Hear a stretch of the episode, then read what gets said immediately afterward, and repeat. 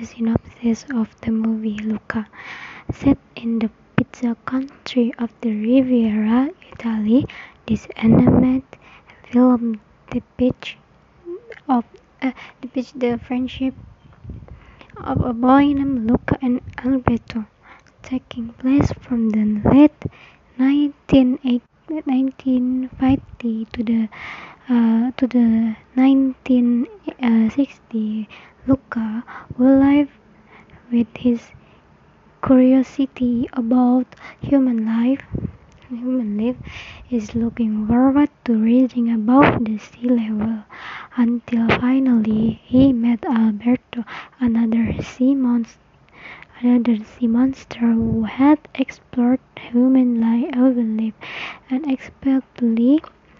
Both of them turned out to have the ability to change, to change from and blend it with humans as long as they remain dry.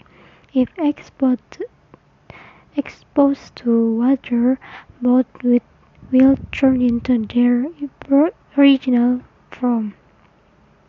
While on a summer summer vacation on the shore of the Italian Riviera, Luca meets human friends who introduce him to the beauty of nature, sample culinary delights such as gelato and pasta and tried the scooter.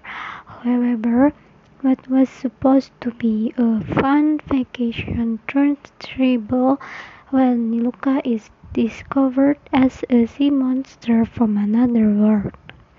Beneath the surface of the sea, which is a secret he wants to hide. Fisherman, the nelayan, seabird, desert laut. After watching the Luca movie, I understand new vocabulary better.